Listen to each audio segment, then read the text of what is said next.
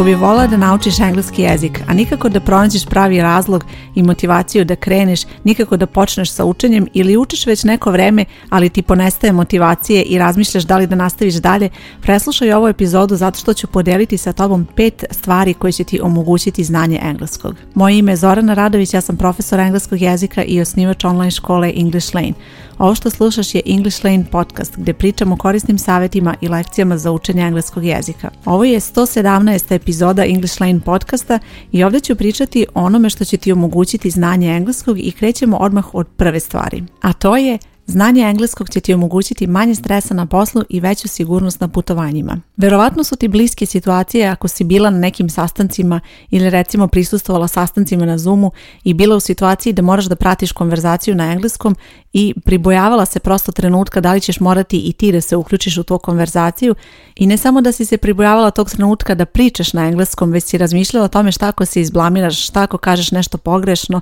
i u toj situaciji to izaziva veliki stres i vrlo je bitno da razmišljaš o tome da znanje engleskog može da ti omogući da prevaziđeš takav stres, da ne budeš u takvoj situaciji, da se u toj situaciji zapravo fokusiraš na ono što ti radiš, na tvoj posao, na tvoju ekspertizu, a da engleski bude samo sredstvo koje ćeš koristiti u radu, dakle ne nešto što će te sputati u toj situaciji, već nešto što će ti omogućiti da i ti aktivno učestvuješ. Tako da ako ti engleski nije baš najbolji, a radiš na poslu koji to zahteva, vrlo je bitno da se fokusiraš da usavršiš što tu veštinu da kreneš sa učenjem engleskog bez obzira da li ti je engleski potreban sada odmah ili će ti biti potreban u nekom narednom periodu, najbolje je da kreneš sa učenjem što pre i da razmišljaš o tome da će ti ipak biti potrebno izvjesno vreme da stekneš tu sigurnost i da naučiš sve što je potrebno da bi mogla samostalno da koristiš engleski u takvim situacijama. Imaju vidu da ako ti je potrebno da znaš engleski zbog posla, zbog napredovanja ili zbog neke poslovne prilike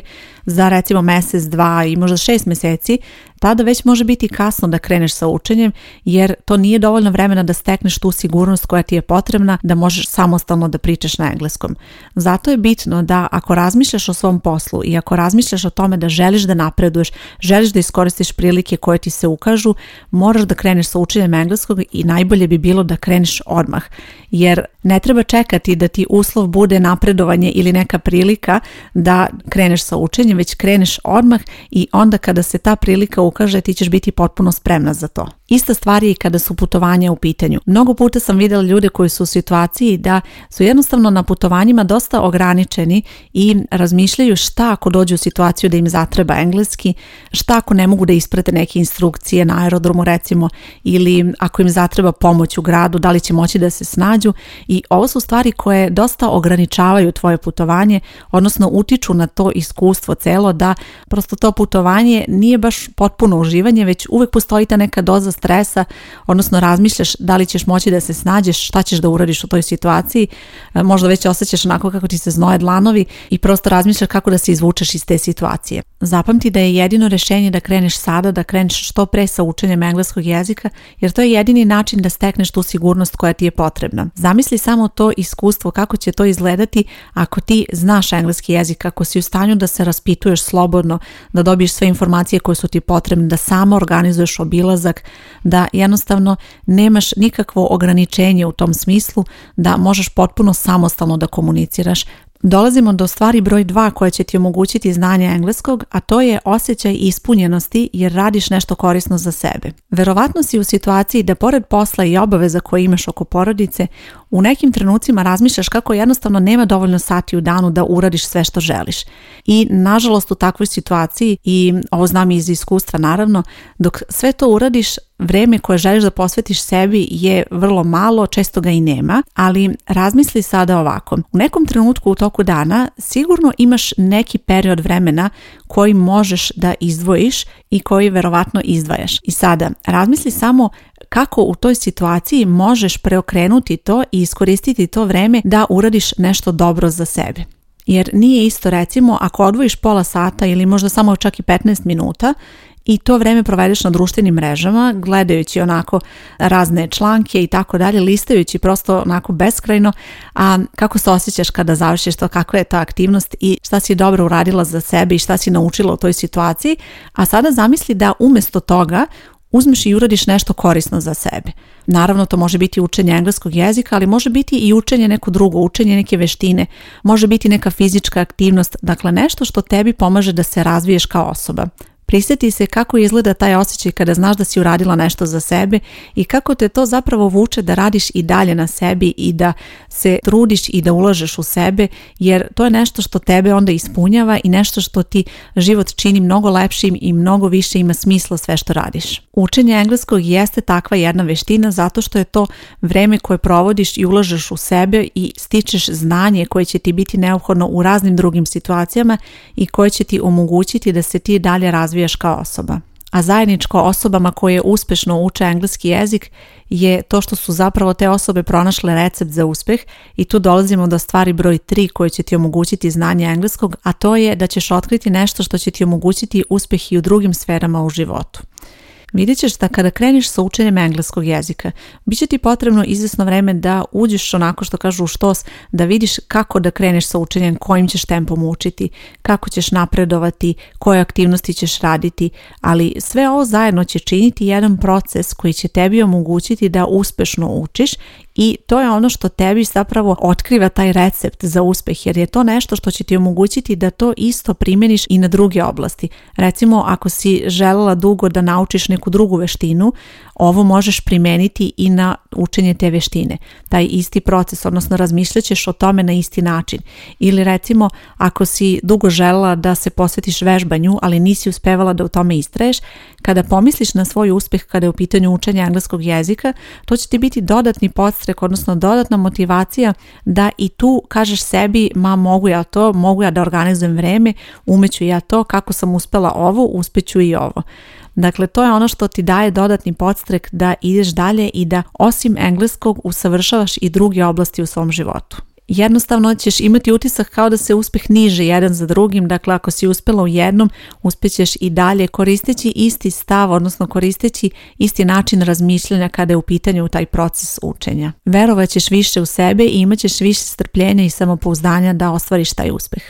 Četvrta stvar koju će ti omogućiti znanje engleskog je pristup znanju. Bez obzira da li želiš da pročitaš neku knjigu na određenu temu ili možda pišeš rad i potrebno ti je da uradiš istraživanje o određenoj oblasti ili recimo želiš da naučiš kako da radiš u određenom programu, za sve ove situacije bit će ti potreban engleski jezik jer će ti omogućiti pristup znanju koje ti je neophodno da bi uspjela da se dalje usavršavaš u toj oblasti kojom se baviš. Veliki broj informacije je dostupan na engleskom jeziku i to je nešto što ti omogućava da ako znaš engleski jezik jezik, možeš da iskoristiš svo to znanje i da napreduješ i da se dalje usavršavaš primetit ćeš da je dosta toga, dosta informacija, dosta edukativnih materijala, dosta dokumentacije, sve je to dostupno na engleskom jeziku i to je ono što čini naravno engleski jezik tako bitnim i važnim danas, jer jednostavno bez obzira koju god oblast da izabereš, bez obzira da li je to IT, da li je medicina i tako dalje, u toj oblasti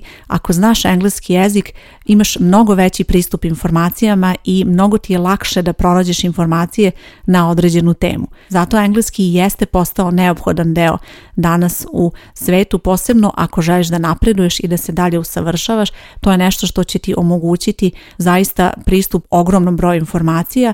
a čak i da nije u pitanju profesionalna svrha. Recimo za određenu tortu možeš pronaći mnogo više recepata na engleskom jeziku i mnogo više raznih varijacija nego na tvom maternjem jeziku. Jednostavno to je jezik koji koristi mnogo veći broj ljudi i samim tim mnogo više informacija je dostupno na tom jeziku. Zato mislim da je veoma bitno da ako želiš da napreduješ, ako želiš da naučiš nešto novo u životu, ako želiš da istražuješ, bez obzira koliko godina imaš, želiš da saznaš nešto novo, engleski jezik će ti u tome mnogo pomoći jer će ti zaista proširiti onako vidike, odnosno imat ćeš mnogo širu sliku i moći ćeš nešto što nisi mogla da saznaš ovako, moći ćeš da saznaš, moći ćeš da naučiš i naravno moći ćeš onda i da preneseš to znanje. Ok, imali smo do sada četiri stvari koje će ti omogućiti znanje engleskog. To je bilo manje stresa na poslu, odnosno veća sigurnost na putovanjima. Onda smo imali taj osjećaj ispunjenosti jer radiš nešto korisno za sebe. I zatim smo imali recept za uspjeh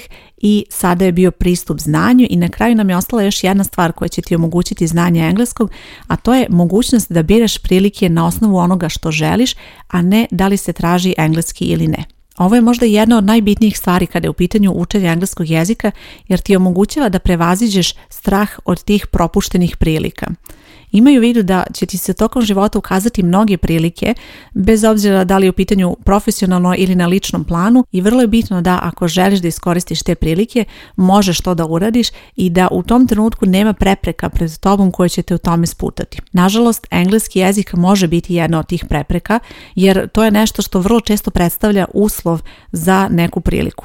Evo danas sam baš vidjela jedan oglas za posao i vidim da je osim tih neophodnih kvalifikacija koje su potrebne, potrebno veoma dobro poznavanje engleskog jezika. I sada, iako znam da recimo neki ljudi koji bi se možda i prijavili na takvo radno mesto, znam da će odustati samo zbog znanja engleskog jezika, odnosno zbog svoje nesigurnosti u znanje engleskog. Naravno, bit će i onih hrabrih koji će pokušati da se prijave na to radno mesto, čak i ako možda nisu sasvim sigurni u svoje znanje engleskog, ali naravno tu je uvek proces testiranja koji će napraviti jednostavno selekciju da li neko može da se bavi tim poslom i da li ima dovoljno znanja engleskog koje je neophodno za tu poziciju ali kada su u pitanju te prilike koje se ukažu pred tobom, vrlo je bitno da engleski ne bude faktor koji će uticati na to da li ćeš ti iskoristiti priliku ili ne. Naprotiv, engleski će biti faktor koji će ti pomoći u tome jer će ti omogućiti sigurnost koja ti je potrebna u takvim situacijama. Neznanje engleskog jezika će mnogo ograničiti prilike koje imaš pred sobom i mogućnosti. Pre svega recimo kada je u pitanju posao, postoji mogućnost da nećeš moći da se prijaviš za posao ili nećeš uopšte biti uzeta u razmatranje za neko napredovanje, za neku bolju poziciju jer ne znaš dovoljno engleski jezik. Također možda ćeš biti u situaciji da propustiš neki seminar ili neku obuku koja se organizuje u inostranstvu zato što ne znaš engleski jezik ili u zavisnosti naravno od tvojih godina možda neku stipendiju za fakultet. Dakle, neznanje engleskog te u takvim situacijama zaista ograničava, a naravno će i na tvoj status u društvu, odnosno kada se pokrene razgovor na engleskom jeziku ili razgovor o engleskom jeziku, ako je to nešto u što ti nemaš dovoljno sigurnosti, to će sigurno utjecati na tvoju poziciju u tom trenutku i kako ćeš se ti snaći u toj situaciji jer nije prijatno biti u situaciji sa kolegama na poslu ili u društvu gdje je potreban engleski jezik, a ti jedina ne znaš, to će onda predstavljati barijeru. Neznanje engleskog jezika također mnogo utiče na iskustva koja imaš, recimo zamisli samo kada putuješ